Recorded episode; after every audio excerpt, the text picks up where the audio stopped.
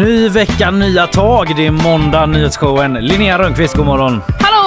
Vi ska tala lite om den sjuka superhelgen som ligger bakom oss nu. Det ska jag absolut, jag höll på att säga banne mig eh, göra. Mm, guys är i Allsvenskan. Ja, st starka scener var det i helgen, både där för Gais och i eh, Borås ju. Absolut. Jag ska snacka om gisslandramat i Hamburg som utspelade sig under helgen på flygplatsen där och jag ska också tala om en mycket, mycket märklig helg i Örebro. Ja, Dramatisk och mystisk. både det ena och det andra. Det kan man de säga. där. Det kan man verkligen säga. Sen kommer Mikael Schultz hit också. Han är dagens gäst och professor i freds och utvecklingsforskning vid Göteborgs universitet. Och vi ska prata om Hamas. De ska ju utplånas av Israel nu enligt Israel själva och de gömmer sig under tunnlar i marken. Men eh, hur länge har de styrt i Gaza? Var är de sprungna ur och hur ser deras ställning ut bland vanliga palestinier nu? Det är några av de frågorna vi ska ta upp med professor Schultz när han kommer hit. Sen bakvagn då, där har jag så mycket så jag vet inte om jag kommer hinna med hälften men jag tänkte snacka lite om kändisuppropet vi kräver. Expressen har eh, skrivit en mycket eh, uppmärksammad text i helgen får jag säga ändå så jag har sett mycket på X och sådär Mm. om kändisarna som nu är rädda för konsekvenserna som Just det. beskriver hur det hela gick till. Allting gick så fort och nu är det vissa som verkar ångra sig lite grann vad det verkar. Men också skandal på ost-VM. Språkfelen i Jimmy Åkessons arabiska tal och sen eh, får vi se om vi hinner något mer helt enkelt. Ja, härligt. Eh, du, jag kommer bjussa lite på att det finns nu siffror på hur många vuxna som får ekonomisk hjälp av sina föräldrar. Wow! Hör du det mamma? eh, Det är inget konstigt med det här. Eller Nej, jag det? menar mer det. Ja, vi kommer in på Ja, det mer sen. det. Eh, och sen blir det lite om vad man har hittat i eh, kanalen för skräp, vad vi har slängt där Ja. under året. Spännande. Mm. Ja, jag har ju fiskat upp en eh, longboard eh, där en gång, men det, är en annan historia. tror jag har hört tre gånger. Har du det? Ja. Möjligtvis. Ja. Är det sant? Men det är en bra som- Det var historia. länge sedan jag berättade, men då tar jag den inte igen. Den är så lång också. Eh, har du badat i kanalen någon gång? Aldrig. Nej, Tack gode gud. nej. Ja, det känns som att eh, man får alla sjukdomar som går om man skulle doppa så lite som en fingertopp. Ja, jag klarade mig. Jag rekommenderar ingen. Nej. Men jag var också väl eh, Utrustad. utrustad. Ja. Mm. Skyddade mig med olika saker. Något Mm. annat från helgen du vill rapportera? Det här var inget från helgen men Nej, det var inte så mycket från helgen, Nej. men, eh, nej, men den har varit god. Renoverat lite grann. ja, Mm. du somnade vid sju i fredags hörde jag. Japp, så roligt liv har jag. Grattis allihopa. Nej men det är sant, jag var helt eh, slut. Ja, Jag du hade en sov, lång eh, vecka, du fick hoppa in och jag var sjuk och du har haft mycket tänker jag. Ja, inte så konstigt. det var toppenkul. Så jag vaknade vid eh, halv sex dagen efter och då började jag min lördag. Eh, härliga Kul. tider.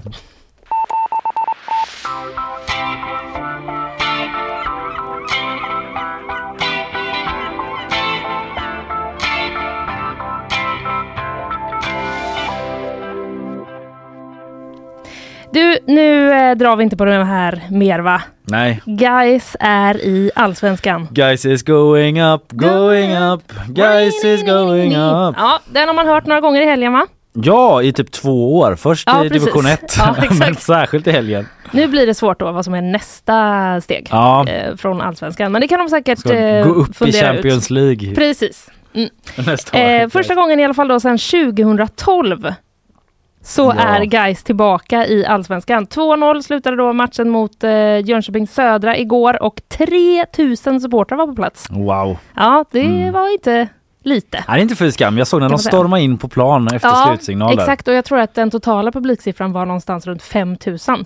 Jaha, så att ja. i så fall om de här siffrorna stämmer då Bara Gaisare. Då var det ju nästan. ännu mer Gaisare än eh, liksom eh, hemmapubliken. I alla fall, eh, följde du matchen? Jag såg slutet bara, ska Mm. jag säga. Han inte med mer. Men det var ju väldigt starka scener och det är ju, guys eh, lärde jag mig då, eller det hade man kanske i bakhuvudet, men det är liksom det laget som vann den första allsvenskan någonsin.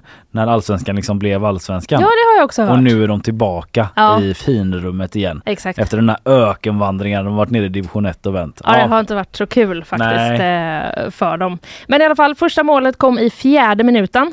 Mm, det är snabbt. Oj, oj, oj, här kan man inte ropa hej. Tänktes eh, eh, säkert från flera håll. Men Ja. sen fick man nog vänta ända till eh, tilläggstid Ja. innan eh, andra målet kom. Just det, så det var liksom nervösa typ 95 minuter. Exakt, det var ju väldigt lång paus klart. Ja, liksom mm. emellan eh, de här två eh, målen. Mm. Eh, men sen då till slut så kom slutsignalen. Vi ska liksom lyssna lite på hur det lät i Discovery. Där är det klart! Nu är de tillbaka! Här springs det ut på plan kan jag meddela. Ja, pitcha som de kallar det. 4017 dagar sedan Det är många dagar. ja, sen fick ju då eh, liksom någon slags ordningsvakter bilda som en cirkel kring eh, alla spelarna och så Ja. var det liksom tryck på fram från supportrarna. Mm. Ja, men det här såg jag och jag såg när den eh, tappre tappre reporten för Discovery försökte genomföra intervjuer Ja, nere i den här klungan. ja det var kämpigt. Ja, det var inte så Mm. jäkla lätt när folk liksom försökte rycka undan Gais tränare medan Nej. han pratade. Typ. gjorde så, du vet så lite så eh, den eh, skolan grejen. Eller jag vet Ja. inte om någon gjorde det. Gnugga på toppen av huvudet honom lite Ja, så. precis. Kanske någon gav honom en köss rakt av. Ja men Mm. den känslan var det ju verkligen. Mm. Eh, de fick ju också då alltså eh, avbryta matchen med bara några tilläggsminuter kvar.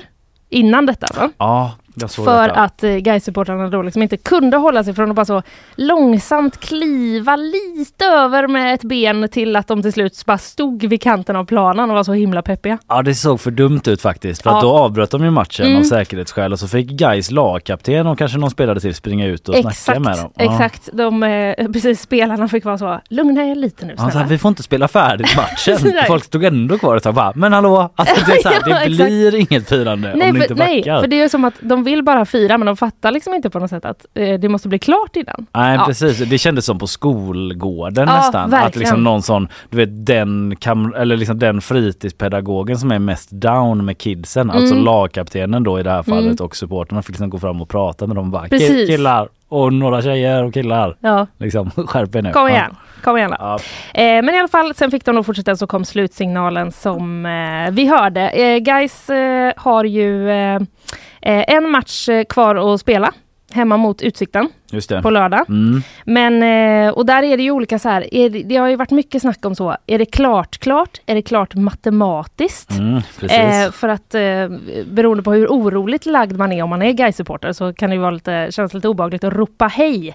Eh, så att säga. ja. Men det är ju en ganska stor eh, målskillnad mellan eh, och eh, Utsikten. Nu Ja. har jag inte den riktigt i huvudet. Nej, men, nej, men de är ju klara liksom. Precis, men det är en match kvar liksom. Mm. Ska, ska man bara känna till. Ja, Eh, GPs krönikör Filip Troler, han föreslår då att eh, man ska resa en staty av Gais eh, tränare Fredrik Holmberg.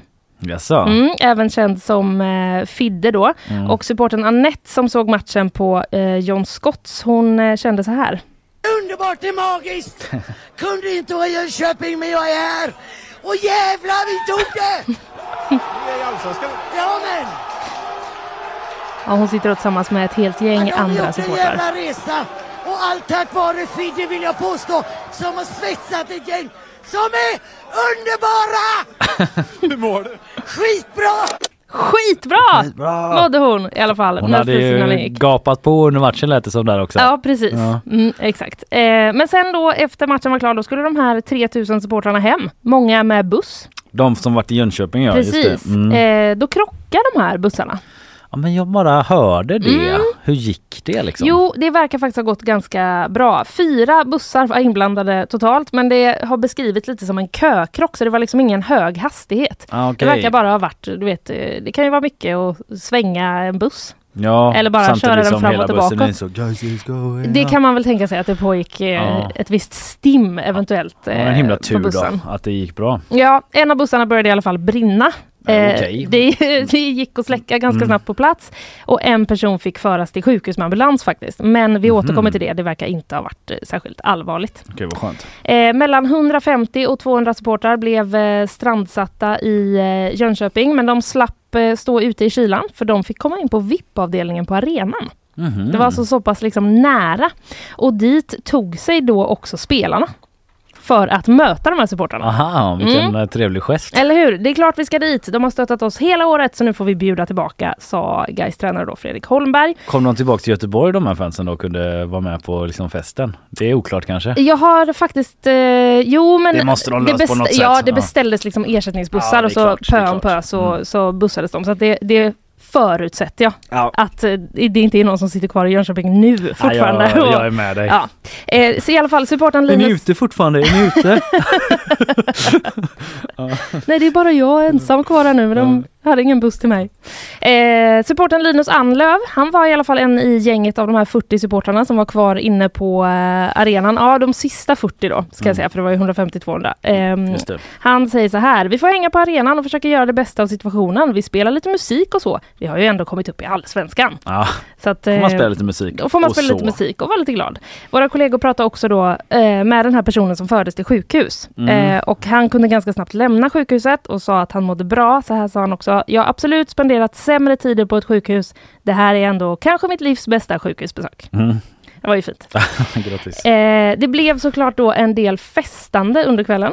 Ja, jag kan tänka mig. Ja, vill man veta i detalj vad som hände så eh, vill jag starkt rekommendera eh, sportredaktionen här på GPS eh, heltäckande text Ja, om eh, vad som skedde efter slutsignal. ja, de har varit på tårna i helgen. De har verkligen eh, hängt med. Men ur liksom några godbitar eller lite brottstycken ur den så kan jag i alla fall berätta att eh, laget åt pizza Ja, och duschade ja. innan då de drog till eh, John Scott Stable på Kyrkogatan här inne i centrum och firade med supportrarna. okej. Ja, förutom det där fina med supportrarna så låter det ju inte som en sån kväll som sticker ut. Nej, men jag Pizza, valde ut dusch och så John Scotts på Ja, det. men jag valde ut de väsentliga delarna tyckte jag. Man undrar ändå, duschade de innan de eh, drog in och firade? Liksom? Ja, det jag tror gjorde de käkar, men de käkar pizza innan de duschar i alla fall. Ja, det tror jag. Köpes ändå. Mm. Ja, det går som eh, sagt att läsa eh, allt detta Mm. och eh, men göra jag- sitt eget lilla schema om man vill. Sett på Instagram också, de Mm. enskilda reportrarna, kollegor Mm. som man följer och sådär, Mm. var ju liksom, eh, för, hängde ju med och jag såg liksom att de var ute och sprang på stan, ett par, inte reportrarna då utan fansen,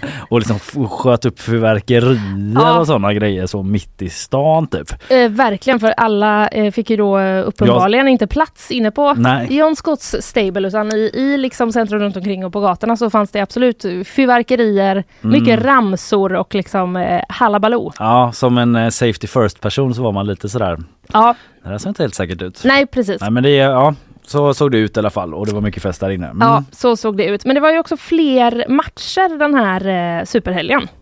Som Det vi var snackade upp i fredags. Mm, Mm. Jag tycker ändå att eh, vi behöver liksom rapportera lite Dra igenom det. gick. Elfsborg mötte ju då eh, Degerfors i Borås. Och Elfsborg hade chans att vinna allsvenskan. Ja. SM-guld helt enkelt. Eh, och Degerfors riskerade ju att åka ur. Mm. Det är dubbel spänning eh, där. Det slutade 2-2. Det betyder att Degerfors åker ur allsvenskan. Ja. Tråkigt. Tråkigt för gamla fina anrika brukslaget Ja. Degen ändå. Verkligen tråkigt för dem. Elfsborg däremot då, de har fortfarande chans och eh, de ställs då mot Malmö Mm. borta i sista matchen nästa helg. Ja. Ska inte uppehålla mig allt för länge men jag såg slutet, Mm, på, precis. slutet på den matchen också. Och det var något av det sjukaste jag någonsin har Ja, sett faktiskt berätta. fotbollsväg. Jo, för att när det var 10 minuter kvar då, eller något i den stilen, alltså när det var lite tid kvar, så blev det uppenbart för båda lagen att herregud vi måste ju vinna det här. Degerfors var tvungna att göra mål Ja, eh, och vinna annars skulle de åka ut. Elfsborg var inte tvungna att göra mål men hade de gjort mål så hade de ju vunnit allsvenskan och Mm. sluppit eh, ha allting på spel i sista matchen Exakt. borta mot Malmö då som du sa Mm. som är en svår match. På slutet så var det liksom inga lag som hade något försvar. nej. Det var bara, de bara sprang fram och tillbaks. Det var, Var det liksom lite handbollskänsla Det var liksom? handbollskänsla. Elfsborg kom liksom så två mot nästan noll på slutet Mm. eller två mot en halv och ändå missade. Och Degerfors hade så fyra backar i i sitt eget straffområde och Elfsborg hade kanske så åtta spelare men ändå, de hade liksom inte huvudet kallt. De lyckades inte Mm. Nej. skapa så några vettiga målchanser knappt där på slutet. Eller de hade någon. Men det var faktiskt någonting av det mest intensiva jag har sett på en fotbollsplan. Ja. Och så fick in, och att ingen gjorde mål. Nej just det. Trots för- att båda lagen nej. liksom valde bort att försvara i princip. så blev det ändå inte mål. Det var så sjukt. Alltså den där pressen, jag eh, hade aldrig pallat en sån eh, press. Det är väl därför jag inte håller på med sport. Kanske.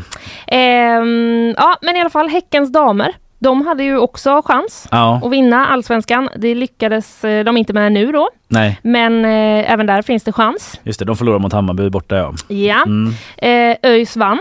De Mm. riskerade ju att åka ur superettan.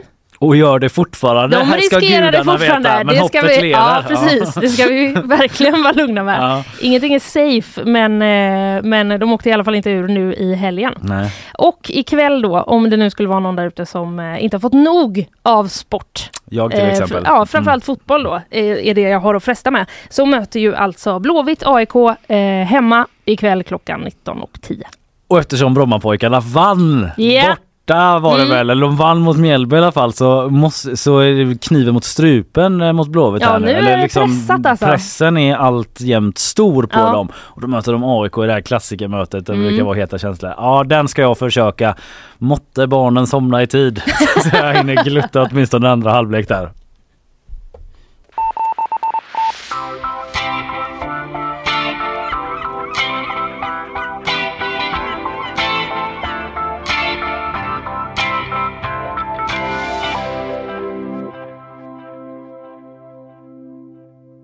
Vi ska till Tyskland en eh, sväng eh, Linnea. Mm. Eh, Det har ju utspelat sig ett gisslandrama vid flygplatsen där i helgen. Ja, jag har sett detta via pushnotiser. Ja, en man körde rätt igenom ett stängsel mot flygplatsen med en bil, kraschade det in på området och kastade bland annat molotovcocktails och började skjuta. Och i bilen hade han samtidigt med sig sin fyraåriga dotter. Ah, Du hör vilken Ja, eh, dramatisk historia. verkligen. Eh, Efter 18 timmar av förhandlingar med polisen 18 timmar! Ja, från lördag till söndag så klev den här mannen ut på flygplatsområdet då tillsammans med dottern som, jag ska säga det direkt, inte hade några fysiska skador då. Mm. Och den här mannen greps av polis. Och det var alltså på kvällen på lördagen då vid 20.00 tiden ungefär som han dundrade rätt in på flygplatsen och eh, genom ett staket då och stannade vid ett Turkish Airline-plan ute på själva flygfältet. Ah, ja, han var på liksom landningsbanan där inne. Mm. Precis. Eh, och eh, den här mannen i 35-årsåldern då ska alltså ha hållit även sin fyraåriga dotter som gisslan i bilen. Och han ville ta med den här dottern då enligt eh, uppgifter i eh, tyska medier till Turkiet. Mhm. Eh, och det var först vid 14.30 på söndagen som hela dramat var över. Så från lördag kväll till liksom söndag eftermiddag pågick det. Och under tiden då så ska han ha avfyrat skott i luften och kastat två bensinbomber inne på det här flygplatsområdet. Dock så ska han ha talat med polisen redan i ett tidigt skede Mhm. som ändå gjorde att polisen hade viss förhoppning av att det här ska vi kanske kunna komma någon vart med. Ah, ja, det Alltså- pågick förhandling eller vad man säger. Precis, att man, han ändå var liksom talbar Ja. och det gick att upprätta någon form av kontakt där. Och enligt tyska medier ska det hela vara kopplat till en vårdnadstvist. Mhm. Skriver tyska Bild bland annat. Och mannen ska ha alltså tagit dottern då från sin mamma och bränt iväg med bil till Mm. flygplatsen då för att enligt medieuppgifter försökt eh, lämna Turkiet. Och, eller nej, eh, Tyskland. Ja Mm. precis, lämna Tyskland för Turkiet. Och eh, naturligtvis så ställdes ju en massa flygplan in Ja, under den här tiden. det är ju ingen, det är inte den minsta flygplatsen väl? Nej. Som man har hört talas om. Frankfurt är väl den det, jättestora ja, men just det. eh, det är nog ingen dålig flygplats i Hamburg skulle jag Mm. tro. Det är mycket trafik som går igenom där. Den återupp, eh, återupptogs under söndagen emellertid då. Och eh, som sagt eh, den här flickan mår efter omständigheterna bra. Mannen är gripen. Eh, Hamburgs borgmästare gick ut liksom och hoppades att de nu kunde återförenas eh, barnet och mamman där Mm. och liksom beklagade allt som hade skett. Och nu kräver eh, tyska polisfacket och andra säkerhetsexperter att eh, man måste höja säkerhetsnivån runt Mm. på tyska flygplatser. Mm. Det rapporterar Sveriges Radio om idag. Att eh, det hade kunnat hända ännu allvarligare saker då är man inne på. Mm. Det är en flygsäkerhetsexpert eh, som säger till Der Spiegel att tyska flygplats, flygplatsansvariga och även myndigheter är ofattbart naiva när det gäller säkerheten kring flygplatserna. Och eh, att de här staketen då som de har runt till exempel är alldeles för enkla då, så man bara kunde ramma dem. Ja, Ja, det verkar ju inte så svårt. Det verkar ju inte det i Hamburg i alla fall och de menar då vissa experter att det var ren tur att det inte handlade om beväpnade terrorister till exempel som tagit Just sig in. det. Det är ju väldigt Mm. spekulativt. Det kanske inte var några terrorister som planerade det. Nej. Men om man föreställer sig det värsta Mm. typ så finns det ju eh, den typen av farhågor. Men gisslandramat över i alla fall och eh, fyraåriga flickan klarade sig utan fysiska skador. Dramatiskt visst. Mm, otroligt. Filmupplägg Verkligen. om något. Men det om det.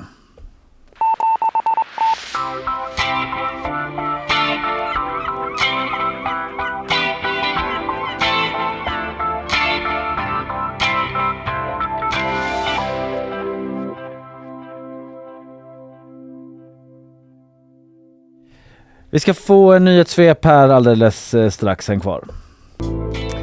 God morgon Isabella Persson! God morgon. Du följde fotbollshelgen en del misstänker jag. Ja, det var väldigt mycket fotboll. Mm. Igår så hade jag liksom eh, tre skärmar så. hade staplat upp och så fick jag liksom så gjorde Elfsborg mål lite där och då var jag tvungen att sätta på ljudet där och sen så fick jag liksom byta och så hoppade airpodden Ah. över till andra skärmen och så var jag så här, "Gud, jag borde fota det här men jag har inga skärmar kvar att fota med. ja. Och så var du på ÖIS också på Ja, jag var, jag var faktiskt och kollade på, um, på Ullevi i lördags. Och såg typ årets mål i Superettan eventuellt. Vet ni vad? Ja. Det, sjukaste är att jag var där med en kompis Ja. och så satt vi och diskuterade en sak så, så satt vi och kollade på hennes mobil. Nej Isabella. Och så blev det mål. Aj, aj, aj. Samtids- Alltså, ja, det var så hemskt. Vi skämdes. Sköt Ja. upp i krysset Ja. från 35 Vi meter. bara, typ. nej. Ja, ja. Eh, Du informerade mig också där om att det var 120 plan ungefär. Och jag läste som, eh, det att det hade varit typ 50 ankommande och Mm. eller 50 som inte kunde landa och 70 som inte kunde Efter flyga iväg gisslan i Hamburg. Ja. i Hamburg Mm. ja. ja, nu ska vi eh, få lite andra nyheter eh, från dig. Eh, Nyhetssvep blir det. Varsågod. Statens institutionsstyrelse som sköter om SIS-hemmen i Sverige gick i maj upp i stabsläge för att minska rymningarna från boendena. Ändå har 70 rymningar skett sedan dess, det rapporterar P4 Göteborg. Ändå är rymningarna färre än förra året säger sektionschefen Helena Finner till P4-stationen men den stora förändringen är att de som rymmer är misstänkta för allvarlig brottslighet och i många fall är grovt kriminella. SIS själva menar att man helt enkelt inte har en infrastruktur som matchar behovet som finns när allt fler högriskungdomar placeras på boendena. Zelensky är inte redo för fredssamtal. Detta säger han till NBC News efter att det kommit uppgifter om att Ukrainas allierade börjat diskutera en möjlig fred. Över 50 länder ingår i organisationen Ukraine Defense Contact Group och där ska man enligt källor till NBC News börjat hålla diskussioner om hur man ska kunna nå fredsförhandlingar. Diskussionerna beskrivs som känsliga och det sägs att man diskuterat vad Ukraina skulle kunna behöva ge upp för att kunna nå en eventuell förhandling. Men i ett nytt uttalande står Zelensky fast vid sin tidigare hållning att Ryssland måste lämna Ukrains territorium innan någon form av diplomati kan inledas. En tyst manifestation hölls igår på Götaplatsen för de 241 israeler som tros ha kidnappats av Hamas den 7 oktober. En bild av varje kidnappad person med deras ålder och namn skrivet bredvid lades ut runt Poseidon och bredvid flög en blå eller vit ballong. Bakom manifestationen stod den judiska församlingen men man valde att hålla en låg profil och inte annonsera ut den i sociala medier.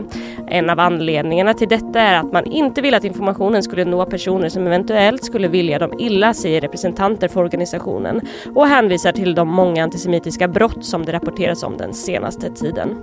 Ändå var det uppskattningsvis 250 personer som kom till Götaplatsen för att visa sitt stöd för de kidnappade.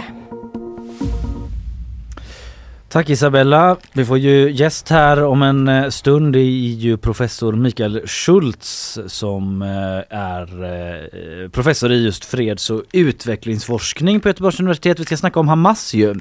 Han har ju haft ett forskningsprojekt om dem bland annat och ska lära oss lite mer om den terrorstämplade organisationen, vad de kommer ur och hur de kan tänkas resonera kring eh, sin attack eh, den 7 oktober och fortsättningen här som varit och som följer. Eh, Tack så länge som sagt Isabella. Vi går vidare. Vi ska till Örebro nu ju Linnea. ska vi. Vad har hänt där egentligen? Ganska mycket kan jag tala om.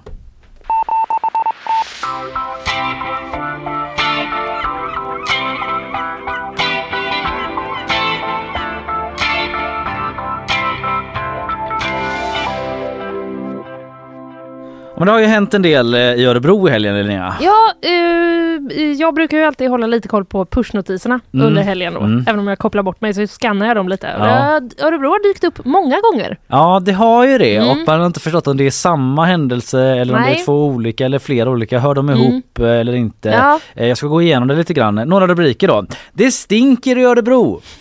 Kattpisslukt sprider sig i Örebro och därför stinker det på flera platser i Örebro län. Åh. Hela länet är drabbat alltså. Men parallellt med det här odördramat då Mm. som eh, de här rubrikerna handlade om så utbredde sig även någonting allvarligare och mer dramatiskt får man väl säga eh, händelser kring inte mindre än två misstänkta föremål som Ja. fick eh, polisens bombgrupp att eh, agera och komma till platsen. Boende evakuerades från sina hem men eh, i båda fallen kunde polisen när man väl kom till platsen avblåsa faran. Det var inga sprängfarliga föremål Nej. på platserna. Och eh, jag ska gå igenom lite då vad vi vet Ja. om detta. För vi börjar med de här misstänkta farliga föremålen. Jag kan väl avslöja redan nu att den här kattpisslukten Mm. Den har inte med dem att göra. Nej, det är liksom det är en separat eh, händelser. grej som Örebro åkte på. Ja, i den här stökiga helgen. I Mm. lördags då gick det ut ett VMA, viktigt meddelande till allmän- allmänheten eh, om att man i Örebro hittat ett misstänkt farligt föremål i ett lägenhetshus i ett område som heter Sörbyängen. Mm. Och eh, boende i det här området fick evakueras. Eller först fick de faktiskt inrymmas. Mm. SVT Örebro har snackat med ett par till exempel som fick reda på att de absolut inte fick gå ut från sin lägenhet, inte ens ut på balkongen. Oj! Mm, så de blev sittande där inne. Sen en och en halv timme senare så ringde polisen igen då och sa att de istället eh, var tvungna att gå ut på balkongen. Jaha. Och när de väl kommer ut på balkongen då ser de ett eh, gäng personer som håller på att evakueras med, eh, eh, vad heter det nu? En sån här kranbil. Kranbilar, ja precis. Alltså från sina balkonger. Ja, Räddningstjänsten Som är om där. vore det en brand. Precis. Eh, Ett 50-tal personer evakuerades totalt då. Vissa via sån här eh, steglift heter det väl? Just det, så heter det. Ja det var det ordet jag Ja, letade efter. kranbil. Det lät konstigt steglift men det heter väl Ja. så. Eh, och eh, precis 50 stycken eh, totalt då och det var på lördags eftermiddagen men först på söndag eh, förmiddag då eller morgon så kunde polisen meddela att eh, det inte innehöll några sprängmedel. Det här eh, det här föremålet då Mm. som jag inte vet mer vad det var för föremål. Nej, för en eh, eh, pushnotis som jag eh, klickade upp var Mm. från Aftonbladet. Mm. Då så skrev de något i stil med Här syns föremålet. Eh, och då var det liksom någon person som hade fotat någonting ut genom sitt kikhål i dörren. Jaha, det har inte jag sett. Nej, det såg jag. Men då, då klickade jag upp den bilden för att man blir ju nyfiken Ja. och undrar vad det är som händer. Eh, men eh, jag såg ingenting. Nej. Alltså det enda jag såg var liksom ett, ett eh, jag såg ett kikhål men sen var det bara blurrigt i det. Ja. Så jag såg inget föremål. Så det var mer liksom ett foto av någon som försöker fota ut genom ett Ja. kikhål? Ja. Ja. ja. Nej men svårt, jag har inte några vidare uppgifter om vad Nej. det var för föremål mer än att då polisen och bombgruppen gruppen kunde ta sig dit eh, på lördagskvällen, alltså vid 21-tiden ungefär vad det verkar som på SVT. Eh, utifrån deras rap- rapportering kunde man konstatera att eh, det inte var sprängfarligt då det här föremålet och att man ändrade då brottsrubriceringen till olaga hot. Mm. Och eh, en detalj som jag bara noterade i SVTs rapportering var då att de skriver att flera personer som blev inrymda där under eftermiddagen Mm. försökte beställa hem mat till sina lägenheter. Men att ett flertal bud alltså motades bort av polis. Men hur, då kan man ju inte ha tänkt eh, så långt va, eller? Nej, eh, ja, precis man undrar ju... jag får absolut inte gå ut här. Men det kan väl inte påverka om någon går in? Då gör det väl inget om fler kommer in? Nej. Om vi ändå ska vara Vi, inne. det är ju här vi ska vara. Man vet ju inte om de där inne visste att det var någon typ av bombhotssituation som Nej. pågick. För om de visste det, då Ja. är det ändå lite magstarkt och liksom ringa hem lite thaimat. Vet du, då är det lite hål i hatten. Ja, Faktiskt. verkligen. Mm. då är det hål i hatten. Ja, nummer 16 ja, så du bara lyfter av spärrningen där och ringer på Johansson. Så eh, var det två vårrullar och en eh, kyckling med nötter. Så kliver du bara rakt över det här tickande paketet som Pol- ligger där. Polisen bara wow there! Fodora-man. Eh, här kommer du inte in. Men som tur var då så var det inget bombfarligt föremål eh, och alla kanske blev mätta och belåtna förr eller senare, vad vet jag. Mm. Sen på söndagen så var det ju dags igen Ja! i Örebro. Vid 11.30 tiden mitt i centrala Örebro så ryckte bombskyddet ut igen för att hantera ett misstänkt farligt föremål. Och eh, det föremålet då vet man lite mer om. Okej.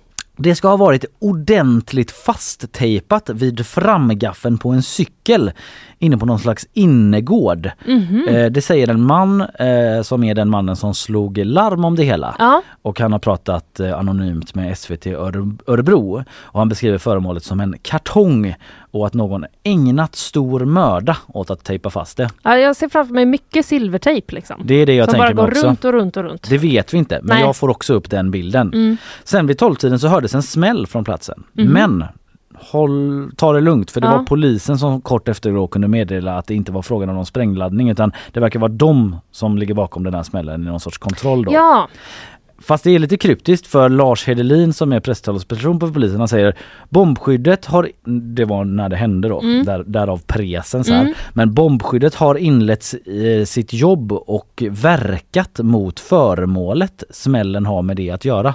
just det. Så Men- jag antar att det är de som har smält den. De har verkat mot just det. föremålet. Det var ett väldigt eh, krångligt sätt att uttrycka det på, men Mm. säkert korrekt. Sen hände en till konstig grej då. Ja, I samband med detta.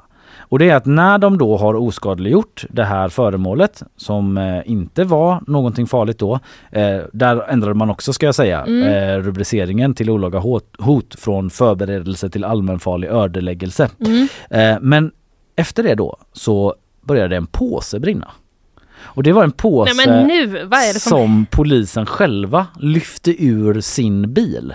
Det finns rörligt på detta på SVT Örebro när de står vid sin svarta van typ och eh, lyfter ut en liten brinnande papppåse från sin egen bil. Man ser hur en polis liksom lyfter ut en pappkasse som brinner lite grann. Nej men Mycket märkligt. mycket märkligt faktiskt. Polisen ville eller kunde inte svara på om det var en kontrollerad eldning när SVT frågade.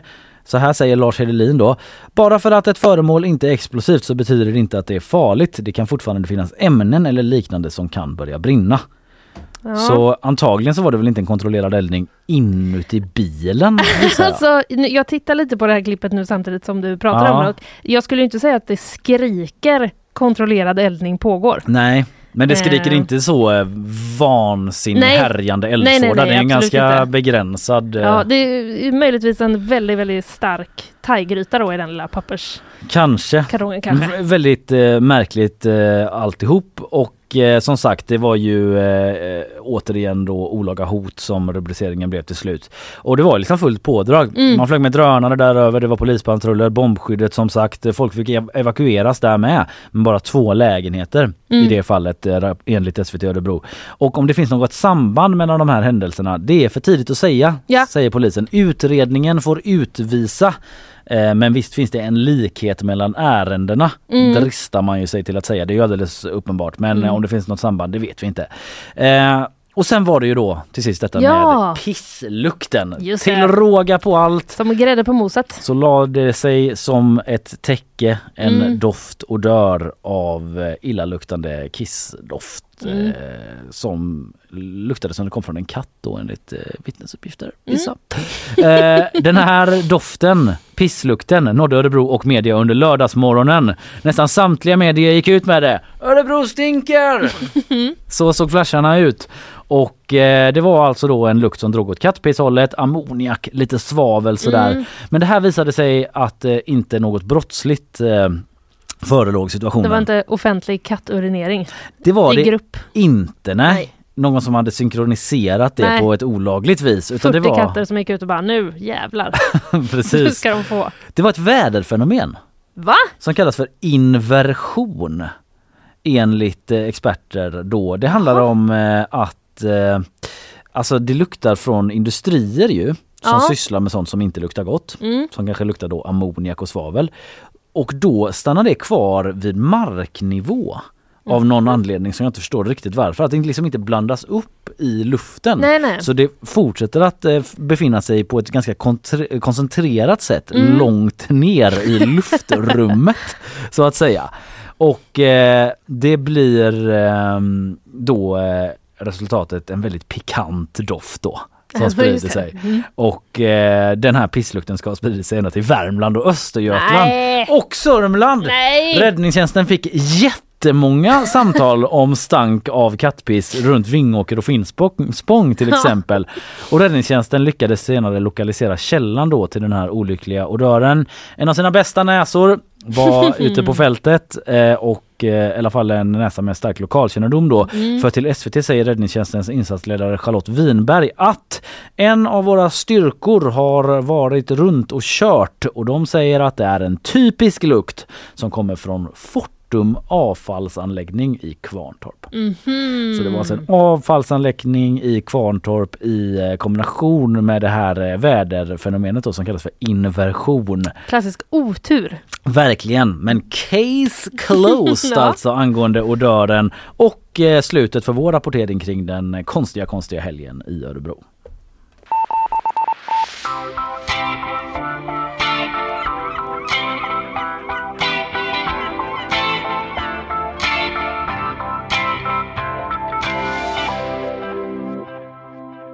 Vi ska tala om Hamas om en liten stund ju. Ja, Eh, professor Mikael Schultz från Göteborgs universitet eh, kommer hit. Professor i freds och utvecklingsforskning är han som forskat kring just Hamas. Eh, så häng kvar, det blir mycket intressant eh, alldeles strax. Måndag 6 november är det och nyhetsshowen är programmet du lyssnar på. Linnea Rönnqvist. hallå? Kalle Berg är det som sänder idag och dagens gäst har kommit till studion. Han är professor i freds och utvecklingsforskning vid Göteborgs universitet och har bland annat forskat kring Hamas då. Och vi ska prata nu om den här eh, organisationen. Vi vill ta ett grepp om det, lära Ja. oss mer om bakgrund och eh, hur eh, de jobbar och kommer till makten och så vidare. Och för att hjälpa oss då med detta att eh, förstå dem lite bättre, lära oss mer om dem så har vi alltså då professor Mikael Schultz. God morgon! God morgon. Du, eh, om jag får börja med den breda frågan om du skulle beskriva Hamas som organisation. Det är en stor fråga, men hur skulle du göra det? Ja, alltså Hamas själva skulle beskriva sig som en palestinsk islamsk rörelse eller parti eh, som på olika sätt då har blivit en motpart, skulle man kunna säga, till PLO. Och framförallt då Fatah-partiet som är det största partiet inom PLO. Det är Och de, som styr bild- på Västbanken bland annat. Och, Idag. Ja, idag Precis. Ja. Mm. Men när Hamas då bildades i december 1987, det var under första palestinska upproret, det första intifadan som man brukar kalla. Mm. Då tyckte många som ursprungligen kom från eh, Muslimska brödraskapet att det var dags för islamister och också bli någon slags nationell rörelse och göra en kamp mot den israeliska ockupationen. Mm. När kommer den här terrorstämpeln? Är den där direkt? Nej, den kom inte direkt, även om man kan säga att man var mer benägen att ibland då använda våld eh, redan under första intifadan. Även om det framförallt var ett uppror som var civilt, även om stenkastning och liknande saker förekom. Men det var egentligen först på 90-talet som man kom att ändra kurs. Man hade ju en agenda, man kom ganska snabbt med en stadga eh, som i och för sig var ganska antisemitisk i sin skrift. Men 88 så sa man då att vårt mål, vårt långsiktiga mål är att skapa en islamsk stat och befria hela historiska Palestina. Dels också att förändra det, det palestinska samhället inifrån Mhm. som skulle bli mer religiöst islamskt influerat på ett sätt. Men framförallt att skapa större rättvisa. Men när då Osloavtalet kom, alltså den här interimsöverenskommelsen mellan PLO och Israel, där man kom överens om att man över en femårsperiod skulle förhandla fram en permanent lösning. Mm. Så det är lite felaktigt ibland att man hör att det är ett fredsavtal som slöts då. Det var bara en början på en process. Men den inleddes med att man etablerade en palestinsk myndighet. Men då var det en israelisk bosättare, Baruch, Baruch Goldstein, som öppnade eld i en moské och sköt ihjäl 29 palestinier 94. Mm. Och då svor Hamas hämnd och hade först 40 dagars sorg och därefter så tog man då till den första självmordsbombningen mot civila inne i Israel. Man hade bombat en gång tidigare mot militära mål på Västbanken men det här var första gången i Israel. Mm. Jag blev lite intresserad av du sa de här stadgarna då Mm. som man hade att de eh, redan från början hade antisemitiska inslag eller hur du uttryckte det. På vilket sätt då? Ja, alltså det står i princip att man har som mål att man ska döda judar och göra sig av med dem. Mm. Och, och det är inte alltså formuleringen israeler eller israelisk ockupation som sådan. Och det var också någonting som ledarna så småningom blev medvetna om. Man, man hänvisade sällan, om man tittar rent i detalj på hur det har gått till, har ledarna inte hänvisat till stadgan. Och de kom ju så småningom att ändra om just stadgan 2017. Mm. Där man la in en formulering om att eh, det är, kampen är mot Israel, Israel och dess ockupation och de israeliska ockupanterna. Okej, okay. så någon typ av Och man skriver in då liksom att det är inte mot judar per se som vi är emot. Mm. Så det ändringen kom så pass sent alltså? Den kom ganska sent. De, jag har förstås intervjuat dem i olika sammanhang, eh, toppledarna. Och de har då sagt att det var ungdomar som gick ut med stadgan innan själva mm. den politiska ledningen hade en chans att diskutera innehållet. Mm. Så var den redan uppklistrad på alla väggar som en slags motreaktion till PLO. Men du har intervjuat de här ledarna alltså, vissa av dem. Hur då och när då och liksom under vilka former går det till? Ja, på sätt och vis har jag väl följt dem sedan de etablerades. Ehm, dels för att jag höll på med ett annat projekt som handlar om palestinsk statsbyggnad och demokrati. Mm. Så jag har intervjuat cirka 200 ledare från toppledarskapet ner till gräsrotsnivå. Jag har intervjuat olika civila samhällen som delvis är kopplade till Hamas eller är dess motståndare så att säga. Men hur funkar det då? Är de liksom öppna för det om du hör av dig på något sätt och del, de delar med sig liksom eller? Ja, forskning brukar ibland vara så att, att eh, olika partiföreträdare är intresserade av att få berätta. Men mm. det är inte helt enkelt. Jag hade också tur med vissa dörröppnare som hjälpte mig att få träffa de högsta ledarna i Beirut och Damaskus och så vidare. Mm. Mm. Men eh, hur länge då? De har ju styrt i Gaza sedan 2006. Eh, ja, alltså det är också ibland en felaktig beskrivning. De vann de nationella palestinska valen 2006 mm. i både Västbanken inklusive östra Jerusalem och Gaza. Och det var en liten överraskning eller chockresultat beroende på vem man frågar då förstås.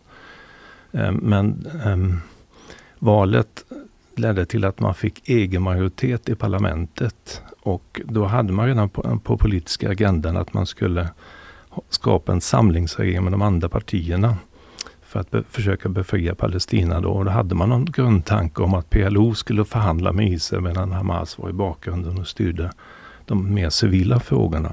Man hade ju vunnit väldigt mycket stöd inför det här valet från gräsrotsnivån för att man tog hand om de fattigaste i samhället och därifrån man fick ett stort stöd. Men också för att många var trötta på Fattas eviga förhandlingar med Israel som inte ledde någon vart. Mm.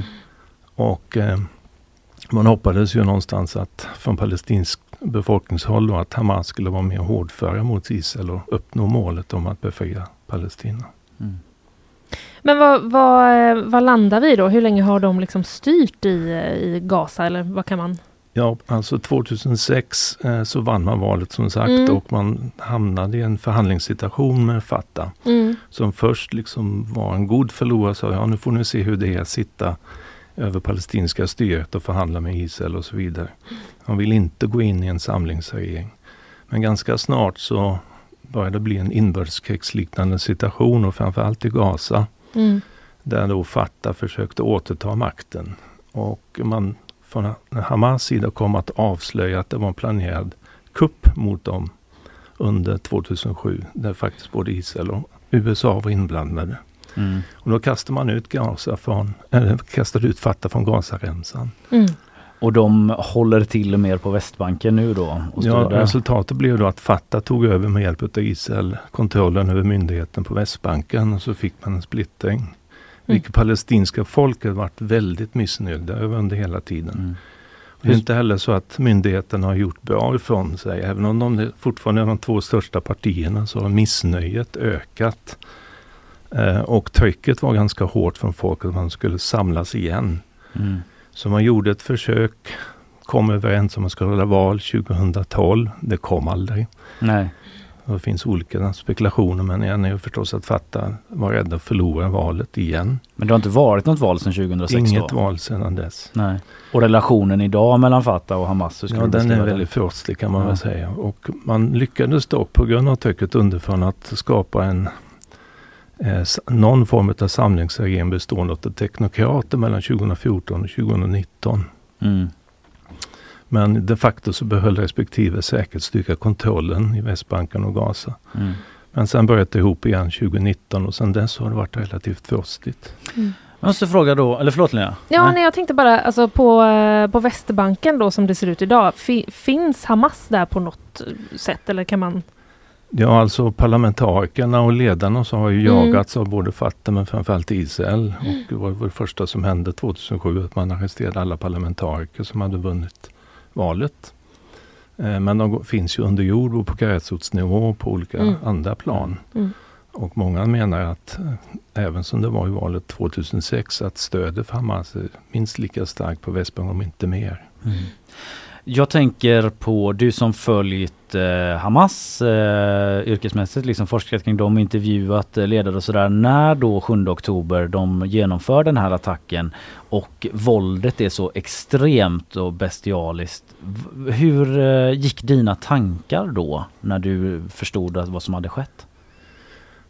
Men att det skulle kunna hända någonting, det var inte så konstigt eh, givet de sista två, tre åren där trycket på, från ockupationssidan har ökat dramatiskt med bosättarvåld på Västbanken med mera.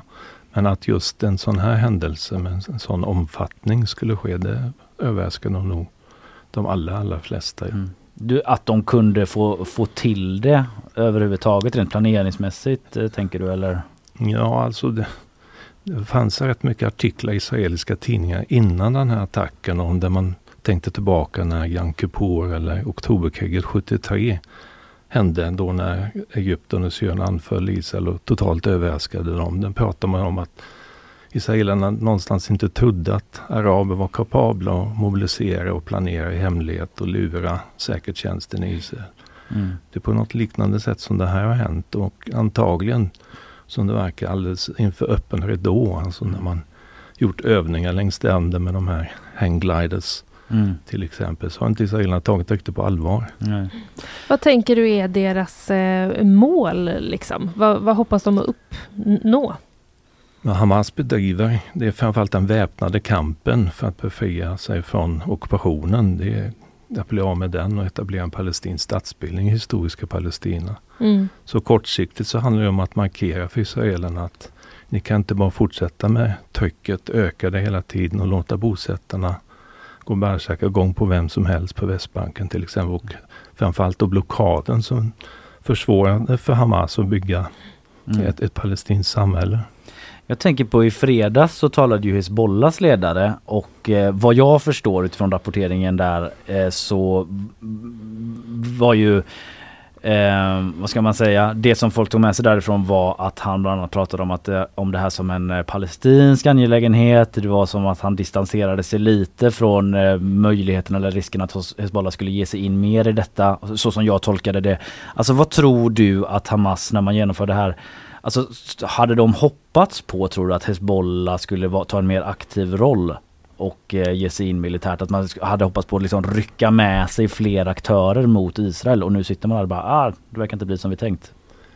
Ja, alla sitter ju och tolkar när alla talar. Han är ju känd för att liksom ge ganska kluvna Mm. budskap och så får man själv fundera ett tag på vad det är han egentligen säger. Och många uttolkare som verkligen följt honom i alla år, jag lyssnade själv på talet, eh, pekar tydligt på att han har två budskap. Mm. Precis som du säger. att Först får Palestina, vi måste se till att Palestina, framförallt Hamas, blir hjältarna i det här slaget. Det är inte vår angelägenhet. Vi har inte varit inblandade, vi har inte bestämt eller någonting.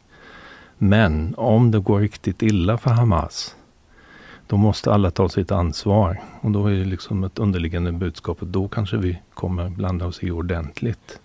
Okej. Sen fanns det säkert de i Hamas som hade önskat att den fronten också hade öppnats. Mm. Alltså totalt, det finns ju fortfarande skärmytlingar längs gränsen på daglig basis. Men det är inte det av den kraften då som... Eh, Sen kan det ändå eskalera. Ja. Därför att leker man med elden så kan någonting hända. Mm. Israeliska generaler, säkerhetsfolk pratar om att nu måste vi slå till hårt och markera. Mm. Vad vet man om stödet för Hamas bland vanliga palestinier? Det är väl svårt att veta hur det ser ut exakt just nu och göra liksom opinionsundersökningar. Eh, lugnt sagt är ju inte det så lätt men eh, den senaste tiden? Ja, i mina studier och mina kollegor så har vi gjort opinionsmätningar på Hamas sedan 97. Och vi har jämfört ofta med andra som gjort opinionsmätningar mer regelbundet än oss för den delen. Men vi har ofta sett att vi, vi ska inte säga överskattar, men de andra underskattade Hamas eh, tryck och, och stöd från befolkningen. Och man kan väl säga att 2016 vann valet, då hade man jättemycket stöd, över 50 procent. Men har då sjunkit gradvis. Mm. Och vi, kan också, vi kan också jämföra 2009 när det var efter kriget då. Och då jämförde båda myndigheterna, hade båda ganska lågt stöd men Hamas hade något sämre. Mm. Så att misstanken är att fram till 7 oktober att stödet har sjunkit ytterligare. Mm. Jag tänker på, eh, man har ju hört vissa israeliska, kanske representanter från militären framförallt, eh, mer hårdföra sådana skulle man kunna beskriva dem som, som menade att befolkningen i Gaza har liksom låtit Hamas eh, styra där, att man har accepterat Hamas, alltså som ett argument för att man nu slår till så hårt mot Gaza. Känner du igen den typen av argument? Vad tänker dem. du om dem? Ja, jag tror ju inte att israelerna har haft sån medveten strategi utan, strategi utan tvärtom så blev man väldigt överraskad över det här anfallet. Mm. Men man blir så upprörd och hämndlystna. Och det är ju det man hör från säkerhetsfolk. Om den som lyssnar på israelisk tv skulle märka hur säkerhetsfolk, militär och andra politiker hela tiden pratar om nu nu är det så att även civila, de sympatiserar, många av dem med Hamas. Det finns ingen nåd. Vi måste liksom se till att bli av med Hamas. Mm. Så man resonerar. Men just den grejen då att de vill förinta, bli av med Hamas. Är det eh, möjligt? Jag tänker visst det är ju en organisation men det är väl också någon typ av idé? Det fanns ju sådana initiala mål vid de tidiga krigen 2008 till exempel och 2014. Men man kom inte så långt utan till slut så blev det någon slags internationellt tryck på ett eldupphör. Jag hörde igår att eh, premiärministern Netanyahu gick ut och sa att det blir inget eldupphör förrän gisslan är släppt. Men det är i sig ett, ett, ett indirekt sätt att säga, ja men släpp gisslan så mm. kanske vi kommer. Men jag har svårt att se att man kommer ge sig första taget här utan man kommer försöka gå stenhårt fram. Mm. Det finns också diskussion om vad händer sen. Ja. Där man då har eh, olika förslag från experter som pratar om, ska vi dela upp Gaza i olika zoner, två eller tre, där man trycker befolkningen söderut. En del extrema har dessutom pratat om att driva ut dem till Sinai. Man kunde få med sig Egypten som absolut inte vill ha in mm. palestinska flyktingar förstås. Mm. Men om man då um, avslutningsvis för den här gången ska blicka lite framåt. Jag har sagt det här med eh, gisslan som du nämnde. Kanske ändå någon slags öppning för ett eldupphör om det skulle ske. Eh, vad tror du kan eh, hända framåt? Tror du det finns någon möjlighet att Hamas släpper gisslan? De har ju släppt några stycken, om det nu är symboliskt bara eller de hänger ihop med att Qatar har täckt på för att de sägs ju vara en av de största finansiärerna av Hamas verksamhet. Eller om, om det är så att man testar hur långt israelerna tänker gå. Det är en öppen fråga idag. Men eh, det är också så att den israeliska regeringen är mån om att försöka hitta en lösning här. Men Hamas har ju gått ut flera gånger nu och sagt att flera av gisslan har dött på grund av bombningarna. Mm. Man funderar ju på det också. De måste ju ha vetat Hamas när de gör detta att Israel är ju en övermäktig militär mm. jämfört med dem. Och de har de här tunnelsystemen under civila. Alltså hur deras kalkylering ser ut i förhållande till eh, deras attack jämfört med vad som kommer drabba de civila i Gaza. Hur, hur tror du liksom de har resonerat kring det? Alltså som jag har sagt då tidigare, man, man vill få bort Hamas och man är beredd att gå väldigt långt. Mm. Och eh, man hävdar ju om man lyssnar på israelisk tv igen eller media så diskuteras ju väldigt mycket om hur, hur eh, Hamas gör det svårt för dem. De används som mänskliga sköldar, de olika palestinska civila. Mm. Man bygger alla avskjutningsexempel av missiler och så eh, under sjukhus eller i Mm. närheten utav civila områden. Mm. Och att det tyvärr är så att vi gör vårt bästa men vi klarar det inte och därför ryker Mm. en del med.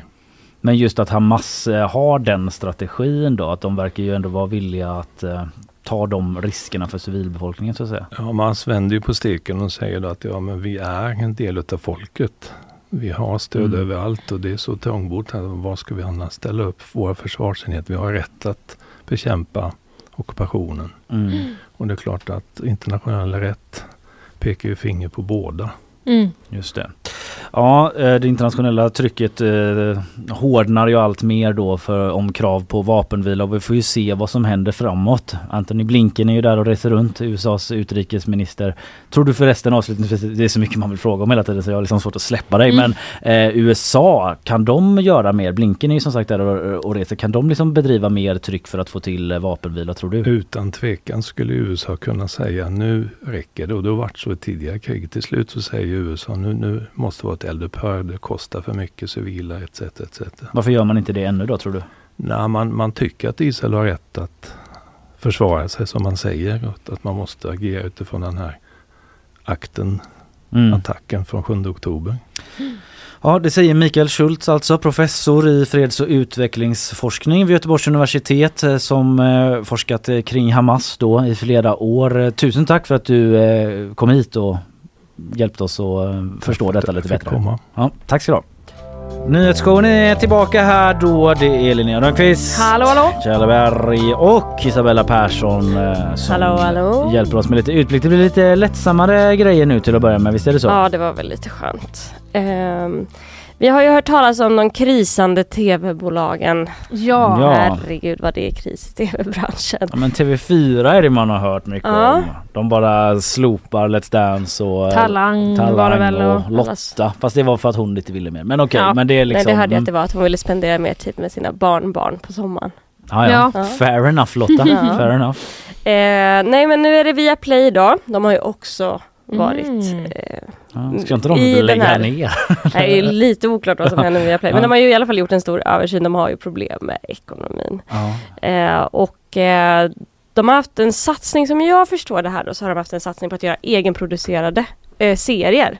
Mm. Och nu Ja. i höst då så hade de, ska de ha en premiär för alla de här serierna. Just Det är, skriptade manusserier liksom. ja men precis, Ronja Rövardotter. Ja, det är de som som har serie. den. Ja. Ja. Threesome, en så här omtalad relationsdrama, säsong två som varit populär tror jag. Mm. Ja, dålig koll på den. Ja, lite dålig koll. Vill inte Bullshit. googla för det känns som man kan hamna snett då. Men ja, En bull. dålig så SEO eh, sökordsoptimering Mm. på den serien. Och sen så en serie som heter Bullshit med Alba August. bullskit Bullshit. på svenska. Ja. Ja, på ren svenska. Mhm. Ja. Eh, ja, men eh, de här serierna nu då, vad händer med de här? Nej, de skjuts upp på obestämd tid. Jaha. Vi får inte se någon Ronja Rövardotter, vi får inte jag se de någon var Threesome. liksom, Jag trodde de var färdiga. Alltså och jag tror, läggas ut alltså de skulle ju gå i höst. Mm. Eh, så det, egentligen känns det bara som att det är Ja, då är det ut. sista Ja. lilla tuschen, att man inte har råd med marknadsföring. Nej, eller Det var Man, drygt om man bara, åh hela serien är klar, vi har gjort klippningen Exakt. och masteringen och allting. Eh, men eh, vi har inte råd med det här knapptrycket så att lägga ut den tyvärr. Nej. Nej. det var ju lite snopet. då ska men jag det ha känns ju- övertid för det Ja. och det... Känns ju hemskt att sitta och ha gjort en serie och sen så bara, nej vi sänder inte den. Tyvärr. Ja, fan vad tråkigt för skådisar och ja. regissör och alla som andra som jobbat med det. Ja. Ja men det, är- det är så här. Och for the kids, det är ändå Mm. Ronja liksom. Ja, Mm. det vill man ju veta. Sen så är jag väl lite skeptisk till så här nyproduktion och sådana grejer. Ja, jag Som är en eh, Absolut. Astrid Lindgren tjej som jag Det finns är. ett original att titta på, det är inget fel på det. Nej. Sluta gnäll. Så som den nya Saltkråkan som ska komma nu också. Det, Just det. Är det SVT som Hur producerar går det den? med den? Det tror Ja, jag att det inte. Ja, Ja. mm, Det vet jag inte heller men jag känner också starkt skeptisk. Ja. För Mm. att den, originalet är så Men jag läste Men det kanske blir trevligt. Parallellt med detta då, jag vet inte om Mm. du ska komma till det, kanske inte för det är kanske lite sidospår men att Marvel har lite problem också. Det- Alltså på tal om all, att man gör såna här eh, sequels och prequels och reboots och allting Just och att det. här senaste tiden så har liksom det inte gått så bra för Marvel-filmerna heller. Så det kanske är Mm. lite förhoppningsvis på Men- nedgång. Remakes. Förhoppningsvis. Ja men jag hatar ju remakes och Alltså det är så Ja, ja, ja. mycket eh, remakes hela Mm. tiden. Mm. Mm. Marvel är väl liksom en enda lång eh, remake, Remake, ja. eh, som bara börjar om på sig själv. Ja. Ja, Ja, det var fortsätter den ju Mm. lite. Mm. Kan jag ändå tycka. Jo, ser jag lite vet, framåt. men det här jävla universumet och så är det ny Spindelmannen för fjärde gången i år och Ja. liksom så här. Det står mig upp i halsen. Jag förstår det, jag förstår det. Eh, vi får väl se om de här serier, serierna som eh, Viaplay skulle sända i alla fall då, kommer sändas. Eller Ja. när. Eh, det finns i alla fall, det är inte uteslutet att andra aktörer kan ta över och kanske köpa dem eller så. Mm. Det ligger lite allting uppe på bordet Al. Jazeera. GP släpper nya Ronja Rövardotter. Ja, det hade Se den på gp.se. Ja. Det hade varit fett ändå. Ja, det hade vi konverterat Hade in vi några kunnat ha en sån barnfamiljer. liten trailer i nyhetsshowen som går? Ja, Absolut. Sugen på Ronja? Det hade varit, my- det hade varit lite mysigt. Eller så måste vi göra den jättebilligt så vi får skådespela själva också. Mm. Ja. Linnea ska Rönnqvist som Lovis. ja. Ja, varför Ja, inte? Eh, det är i alla fall två serier som de ska sända. Ett Strandhotellet, säsong två. okej. Jag kan tänka mig att det finns några stora Strandhotellet? fans av Strandhotellet. Ja, jag får nog backa till säsong ett där för den har Ja, jag missat. jag med. Ja, och sen även Börje med Walter Skarsgård i huvudrollen Mm. som Börje Salming. Den Men det är kommer också också andra trenden då. Mm. Remakes och reboots också eh, riktiga personer Kändisar. eh, grejen. Ja. Mm. Ja, ja. Eh, sen eh, tänker jag vi tar oss till USA. Mm. Eh, där det är nu bara ett år kvar till amerikanska valet. ja. Just Har du börjat ladda? Jag tycker att det här, alltså det är någonting med den amerikanska valkampanjen som är liksom eh, det är bättre än Strandhotellet känner jag liksom som serie. Alltså är det en är bättre än en, eh, ett drama. Eh, men nu visar en ny opinionsundersökning som New York Times gjort att Trump leder över Biden i väldigt viktiga sådana här swing states. Mm. Mhm. Eh, bland annat Nevada, Georgia, Arizona, Michigan, Pennsylvania. De här eh, Avgörande, staterna ja. som är så avgörande. Mm. Men ja, det är väldigt långt kvar. Ja. Är det ett år? Det kan hända massa saker. Och eh, Trump står ju också åtalad parallellt med den här härliga det. valkampanjen. Så är han ju åtalad för fyra brott Mm. i olika delstater. Så att man kan tänka sig att det kan hända vad som helst.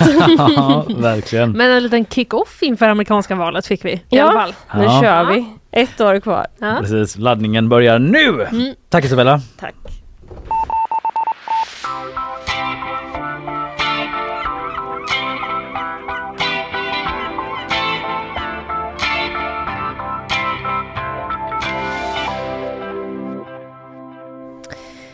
Eh, eh, varannan vuxen får ekonomisk hjälp av sina föräldrar. Varannan vuxen, okej men då ska vi se för det blir all direkt Mm. sådär definition då, hur mycket är det? Och... Definition och hur mycket och eh, bla bla bla bla. Men det bla. låter ju spontant ganska mycket. Exakt! Så mycket kan jag säga. Jag kan säga att jag tillhör eh, väl, jag tillhör den som eh, i alla fall eh, är självständig. Ja det gör Vuxen inte jag. riktigt. Eller så här, Nej, jag får inte löpande månadspeng. Nej. Men jag har historiskt eh, fått hjälp. Jo, jo. Eh, alltså som vuxen då. Ja, Ja. Jo historia. Ja, Alltså det blir, så här, det blir så vagt för jag vill inte gå in för mycket på min privatekonomi. Nej, exakt. Men olika större liksom, lägenhets, eh, Ja, bostads, bla bla bla. Ja, Mm, precis. Alla förstår nu. Eh, ska vi ta och läsa lite mer i nyheten så kanske vi kan reda ut Ja men gör det. eh, Så mm. låter jag mig själv vila en liten stund av Ja, min men- privatekonomi. Ja men jättebra. Mm. Eh, Dagens Nyheter är jag och eh, läser det här på och det är en undersökning som är gjord på uppdrag av SBAB, Eh, Okej. den statliga banken. Mm. Mm. Hälften av alla föräldrar i 60-årsåldern har stöttat sina vuxna barn ekonomiskt det senaste halvåret. Visar deras eh, beräkningar då, utifrån de här eh, siffrorna. Okej, men då är det utifrån deras kunder då kanske? Nej, utan det är en eh, undersökning då med eh, tusen personer som är genomförd av eh, Kantar, eller Kantar, Kantar, Sifo? Kantar, Sifo, säga. mm, Ja. Kantar i alla fall, ehm, som har gjort den här. Så det är inte bara utifrån Nej, deras okej. kunder utan det är en sån tusen personer. Då slutar jag eh, hänga upp mig på eh, metodiken exakt i undersökningen. Men det är nog viktigt. Hade det Jo, varit det- SBAB-kunder så har ju ja. de kanske mer pengar eventuellt för man det- har bostadslån eller vad det det nu är är. ju otroligt viktigt. Men de har i alla fall också då kan jag tillägga för att stilla ditt eh, sug efter den här typen av information. Ja tack. Eh, även utgått från statistik från SCB och Socialstyrelsen för att då göra en uppskattning av hur många som har barn i olika ålderskategorier Mm. och hur gamla barnen Men det i så fall låter är. seriöst Ja, ändå. det låter seriöst. Eh, så det är i alla fall eh, det de har kommit fram till då, att nästan hälften av alla som är i åldern 32 till 41, Mm. där kvalar ju inte ens jag in. Jag Ja, just är ju det. för ung Ja, och ändå självständig. Wow här får vi Linnea. ändra.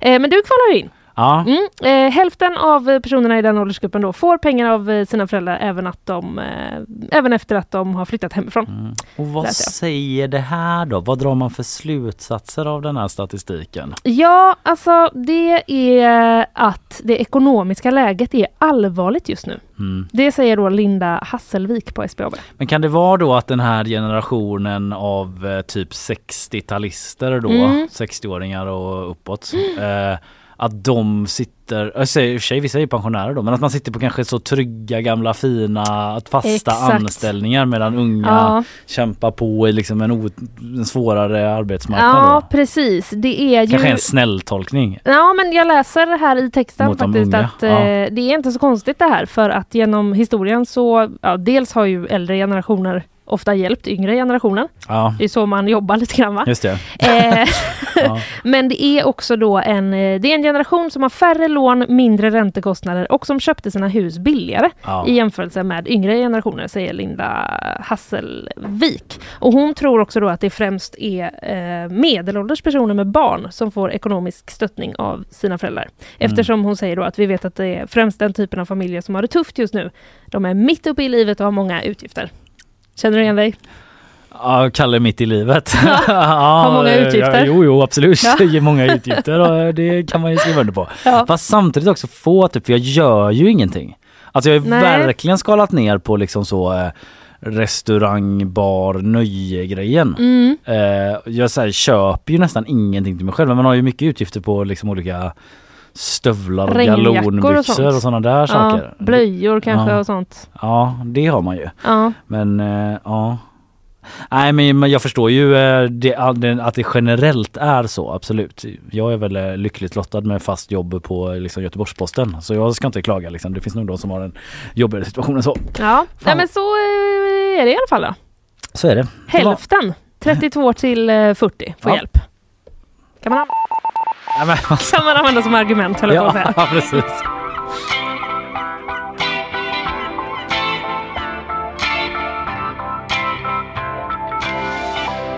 Men jag bara drog mig till minnes när du sa det där om argument att när jag ville ha högre veckopeng när Mm. jag var mindre. Vad Då fick jag ju ekonomiskt stöd av mina föräldrar i form av veckopeng. Mm. Då vet jag att det var någon artikel i GPs kanske så Mhm. Graffiti, Ja. den gamla fina graffiti Ja, ungdomsredaktionen. Där de hade sammanställt typ så mycket har eh, barnen i veckopeng. Med Otroligt. statistik och sånt. Att jag gick till typ så här hit them with the facts mamma och pappa. Vad säger ni nu då? Bara- Konsumentjournalistik. Ja, och klassiskt när man vet att man kanske inte har gjort en så jättebra förhandling när de i första rundan är så bara Jo men visst, Ja, exakt. man har kunnat lägga Vi sig går med på ditt högre. krav direkt. Det är som Ja. typ alla gånger man har löneförhandlat. Då skulle jag alltså vilja ha X kronor och de bara mm, du är, du är en tuffing du, men okej då. okej då. Ja, eh, en annan nyhet. Eh, Jag har sett eh, ganska många dela den här texten i helgen i sociala medier. Oron efter kändislistan kolon. Många är rädda nu. Punkt, Just punkt, det. punkt. Mm. Det är Expressen som har den här eh, premiumlåsta artikeln. Ja. Så jag gör den en tjänst nu. Jag tar mig in bakom betalvägg och Just det. berättar lite vad det handlar om. Ja. Nej men de, du minns ju hashtag vi kräver. Mm. Det var ju det här eh, uppropet då för eh, Gaza och invånarna där att man krävde olika saker, humanitärt eh, stöd och så vidare och det var massa olika kändisar som skrev upp sig på den här listan. Stellan Skarsgård, Bianca Ingrosso, Erik Sade. ja, det var jättemånga. Det var verkligen många. Mm. Det var också lite sådär en fallande skala i kändisskap längst upp till vänster och sen så, så var det ju en sida två också Ja, på. Instagram när man scrollar Mm. till nästa. Mm. Eh, så även där så infinner sig någon sorts klassamhälle Ja. bland kändisarna. Vilka man vill fronta med men det är klart att man frontar med de kändaste, det är väl inte så konstigt. Nej. Men ändå tuff läsning för vissa kanske. Som tänkte att Kan man var varit. första sides Mm. eh, stoff Ja. på namnet men så hamnar man på andra sidan. Jag tänker liksom inte gå in och ge några exempel. Låt oss ta oss tillbaka till vad det handlar om. Ja, Expressen då har eh, gått igenom nu, eh, försökt prata med en del av de här kändisarna för det visar sig att vissa liksom tycker att det inte blev så bra. Att man är, det fick ju en ganska stor backlash det där uppropet i Ja, vissa kretsar. Det fick det ju. Många tyckte väl det var toppen men det var andra som tyckte att eh, det var olyckligt formulerat. David Lagerkrans, den kända författaren, Mm. kallade uppropet för ensidigt och polariserande, att man inte tog avstånd från eh, Hamas eh, tillräckligt. Och Mikael Bindefeld, den eh, kända festfixaren, Mm. kallade upproret för infamt och menade att det bidrog till förringande av judiska liv. Det var ju också det där att de hade en formulering som var den senaste veckan har eh, liksom så här många dött, civila och bla bla bla. Mm. Och den tidsperioden när det kom och Ja. den senaste veckan innefattade inte den 7 oktober. Ah, Så då blev det som att det Man framstod liksom. ja, som Mm. att man inte tog in eh, de civila döda på israelisk eh, Ja. sida från den 7 oktober i det så som det var formulerat. Eh, men en, eh, det är lite lite komiskt på ett sätt att de har pratat med flera anonyma kändisar. ja just För det är det. ju en paradox va? Ja. En anonym kändis är Mm. ju inte en kändis. Det är en okändis. Ja. Eller hur? Eh, men det är en parentes. Men många kändisar som skrev på är nu rädda för konsekvenserna, säger en av Sveriges mest inflytelserika nöjesprofiler. Just det, som då är anonym. Som är anonym. Just det. men högst, eh, högst, Högst- publik Högst i andra fall.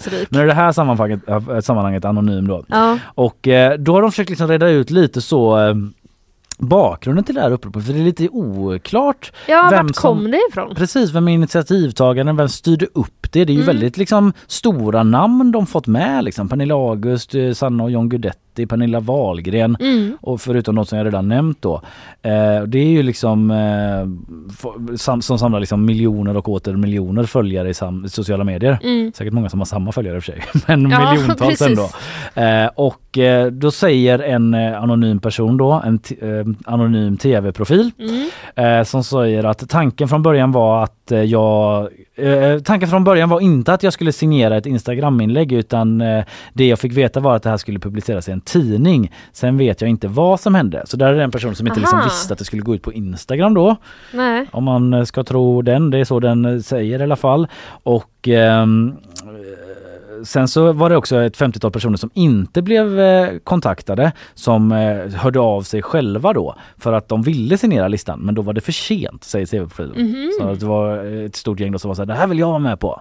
Ja, Men men, så den här tv-profilen, alltså, får man veta någonting om det var den kanske som var liksom Höll den på att organisera det på något sätt eller? Nej, det är oklart. Det här var nog en person snarare som kontaktades. Ja, okej. Eh, och eh, eh, Eh, men däremot då så, eh, så eh, menar de, de skriver så här Expressen att så här, pressen att engagera sig var påtaglig. Flera inflytelserika kända artister, tv-profiler med en stor ung följarskala bestämde sig för att göra ett gemensamt upprop för krigets civila offer. Och sen fick man då hjälp av en PR-agent som beskrivs som erfaren inom digital marknadsföring. Även den anonym. Ja, även den anonym, ja, anonym PR-strateg också så. Eh, men eh, anonym i den här artikeln i alla fall. Eh, de har väl inte velat liksom prata med. Expressen då så då håller man det anonymt oftast. Och eh, den personen då eh, liksom fick eh, till spridningen och fick in massa kända artister och eh, de beskriver det så här i Expressen då liksom. Avsändaren, det är någon som har ställt frågan, hej vill ni vara med? Liksom, Mm, på det här mm. uppropet. Och då skriver de så här att det var ett sms som skickades runt eh, och där en folkkär artist och programledare eh, och eh, andra offentliga personer då liksom uppmanade att eh, man skulle skriva på och i smset stod det det handlar inte om att välja någon sida och att uppropet skulle skickas till regeringen. Sen säger PR-agenten så här att sen gick allt fort. Då handlade det om att hjälpa varandra och sprida det så gott det gick för alla ville vara med. Men att eh, ja, sen gick allt så fort då. Jag vet inte riktigt.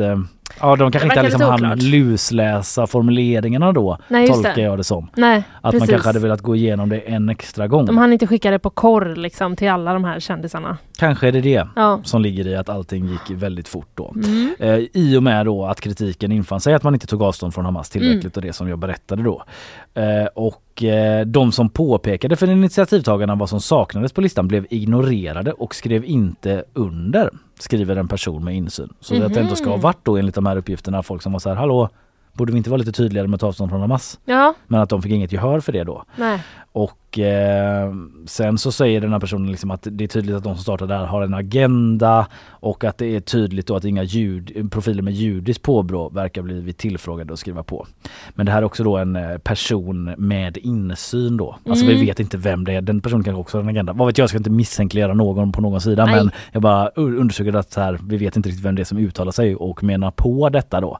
Eh, men det jag började med Alltså eh, en annan eh, anonym tv-profil säger att liksom folk eh, är oroliga för sin egen säkerhet nu då. Vissa av dem. Flera av kändisarna som publicerat upprop, uppropet har blivit tvungna att stänga av sina kommentarsfält på grund av hat och hot Mm. och att det har fått eh, konsekvenser yrkesmässigt och ekonomiskt då.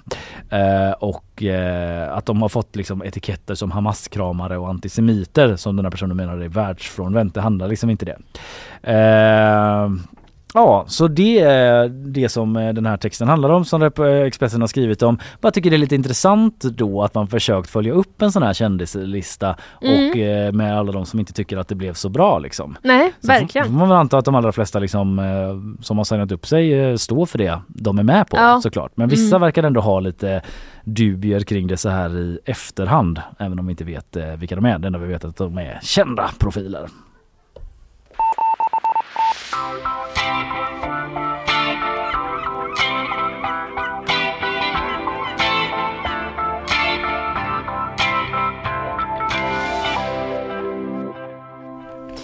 Du, eh, vi har ju redan pratat om eh, kanalen här inne i stan Ja, i eh, badhänseende. Nu tänkte jag vi skulle prata i ja, något som kanske får en att bli inte så badsugen. mm. För att eh, på gp.se så finns en artikel där eh, man får reda på allt som göteborgarna har slängt i kanalen under 2023. jag blir mycket nyfiken på det. Ja. Kundvagnar gissar jag på.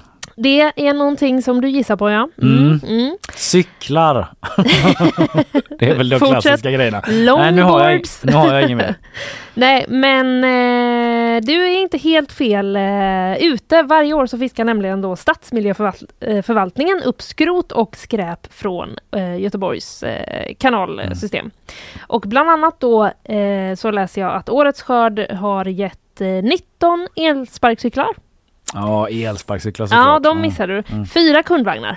Ja. Det är ju nästan svårt att få tag på en kundvagn i centrala Göteborg. Ja idag ja, det var säkert vanligare förr. Nu Ja. har du liksom ingen femkrona längre för det systemet är ju fortfarande igång. Att du ska ha liksom ja, det en, systemet ett mynt. är igång. När jag har varit och storhandlat på olika stora affärer Ja. så ska man liksom ha en femma. Det finns ju också sådana som man inte behöver det men då får man gå en bit men liksom att det systemet är i bruk. det måste ju vara på utdöende. det måste det vara. Kan det komma att bli att man måste liksom blippa sin swish eller något? Mm. Och så får man... Ja men någon typ av sån lösning tillbaka. måste det vara. Eh, Ja, för det är ju... Ja, Men jag tänker att det påverkar den här statistiken om vad som ligger i kanalen. Precis. Vi har gått Men- från kundvagnar till elcyklar till exempel. Då. ja exakt. Men det är ju inte heller säkert att om vi, om vi gör det lättare att ta med sig en kundvagn, att det blir färre elsparkcyklar. Nej, det kanske Nej, blir mer av Det båda. här är, måste vi tänka på metodiskt innan vi föreslår någon slags eh, lösning. Men eh, det i alla fall, och en moped eh, läser jag, är några av alla de eh, grejerna som har eh, hittats. Tre rullcontainrar. Vad är en rullcontainer? Det låter ju väldigt stort. Ja. Hur fan får man ner en hel jävla otroligt stort. container? ja precis. Eh, de har också i alla fall då... Nej, vet du vad det är? Mm. Det är en sån här. Nu visar jag dig. Ja! Det Det är är, en sån där en som sån som liksom- typ kaféer får varuleverans i. Ja, eller som man typ lägger in gammal wellpapp i. Ja, precis. Ja. Gamla lådor av wellpapp som rullas in. eh, Jag Exakt. vet inte varför jag är så besatt av wellpapp. Men Nej, jag eh, vet inte heller det. jag vet att jag själv har eh, källsorterat wellpapp och lagt i sådana där stora. Ja, det Ja. har jag också gjort. Men som en liten rullande bur kan man säga. Precis. Kanske folk Då fattar man att man kan hysta ner en sån. Ja. Ja, tre stycken sådana. Sen har de också hovat upp då 22 vanliga cyklar, en moped som jag nämnde, ett bilbatteri, sex halvfulla dunkar med frityrolja. Nej, men, Frågetecken. ja. Va? Det Sex byggstaket, fyra vägskyltar. någon som börjar tänka på figuren typ. Nu är Exakt. Nu är det slut på fritering. Nu ska inte hålla på och fritera här hela tiden. Halvfulla dunkar också. Mm.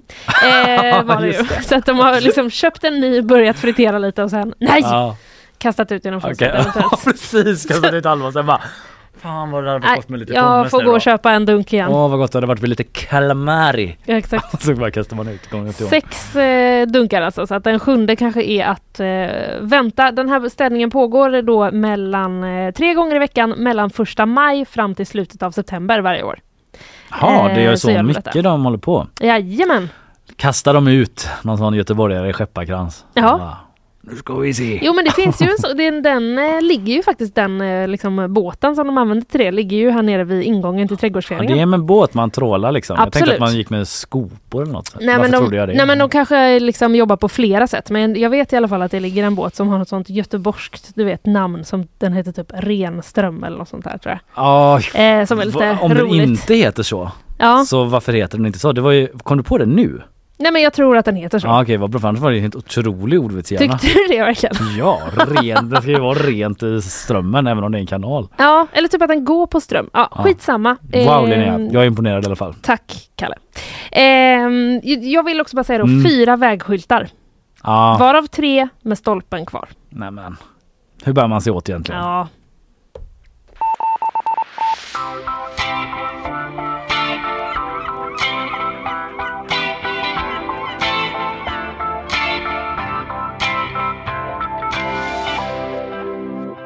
Ett 20-tal döda råttor sa du också. ja, då sa Karl ganska få. Men jag tänker att är ju eh, relativt, men- det måste ju vara de färskaste döda råttorna. Mm. De som är äldre har ju säkert... Fatta hur äckligt det är där. Ja, det är det All- jag säger! Jag ska inte sluta tjata om när jag var i kanalen men jag kände ju med foten mot botten. Det Nej, var det precis vid kanten och äckligt. det är så dyrt och det är så vidrigt Ja, och det var sådana sediment av avlagring på hela mina armar och det var bara Fy djävulen! Ja. Vi går vidare. Jimmy Åkesson.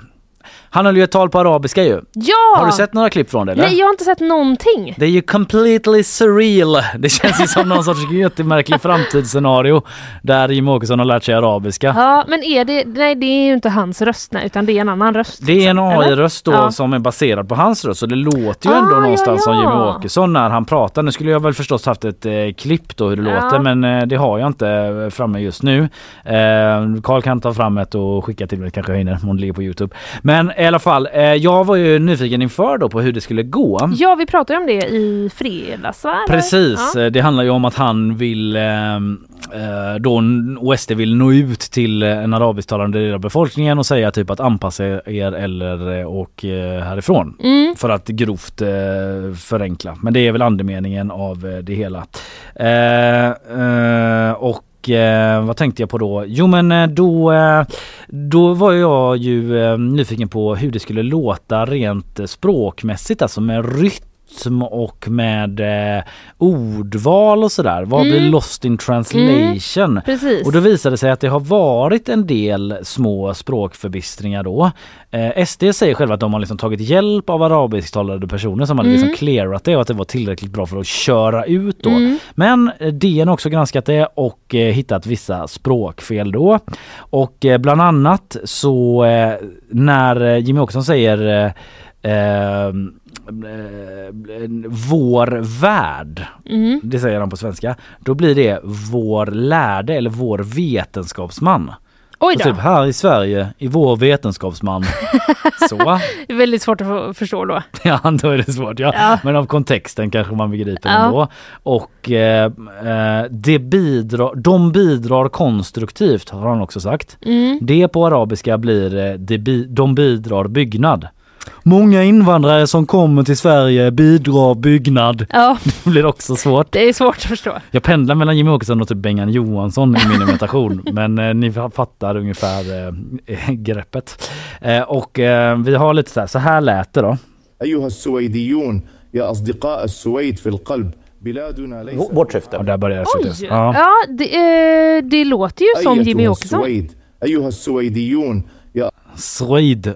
Ja det låter ju som Jimmy Åkesson och Ja. man ser också att hans röst, eller vad säger jag, hans mun Mm. är också synkad då.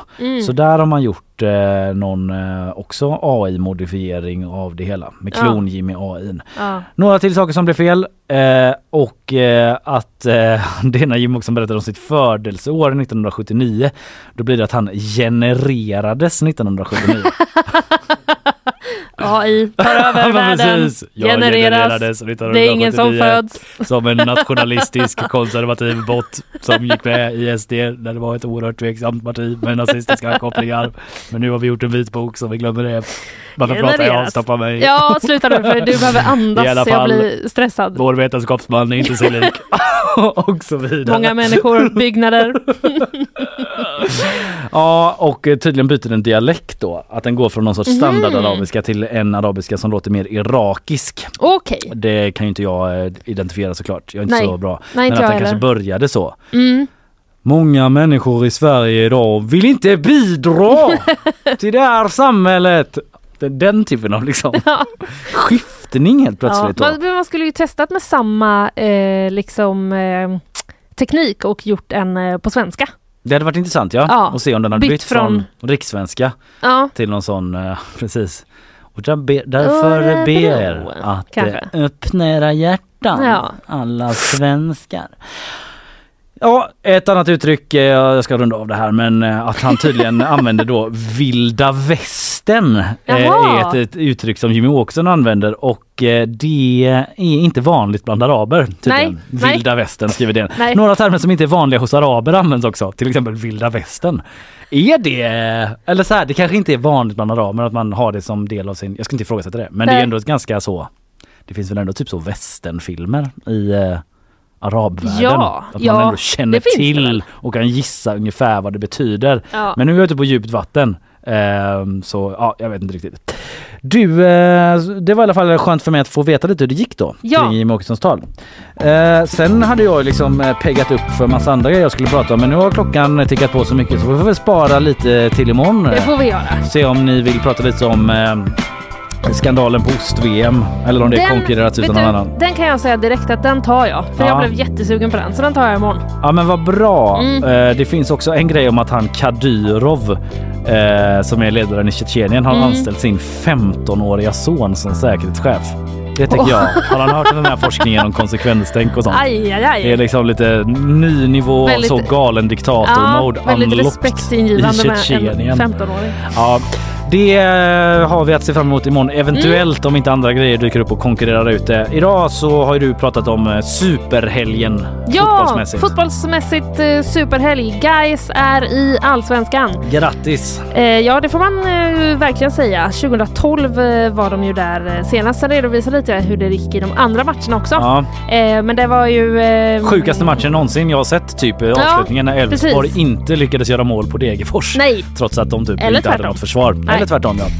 Yes, och jag pratade om gisslandramat på flygplatsen i Hamburg som ju eh, slutade mm, gott får man väl ändå säga utifrån Ja. omständigheterna. En fyraårig flicka som kidnappats där eh, av en 34-årig man kunde eh, omhändertas eh, utan ska, fysiska skador. Sen pratade jag också om den märkliga helgen i Örebro Ja. med den mystiska odören som Mm. spreds och på det då två misstänkt farliga föremål som inte visade sig vara explosiva då. Mm. Allt detta utspelade sig i Örebro ja, i helgen. mycket helgen för dem. Ja, Mikael Schultz var här också, professor i freds och utvecklingsforskning som forskat om Hamas och vi pratade om eh, Hamas eh, ja, vitt och brett kan man säga. Mm. Jag lärde mig mycket och eh, det var väl det hela. Isabella berättade också om hela seriedöden Ja. på Viaplay. Viaplays... Eh, ja precis, det verkar tragiskt. Det blir kanske ingen Ronja? Frågetecken. Nej, slängt i helveteskapet Ja. verkar hela projektet. eh, tack ska ni ha.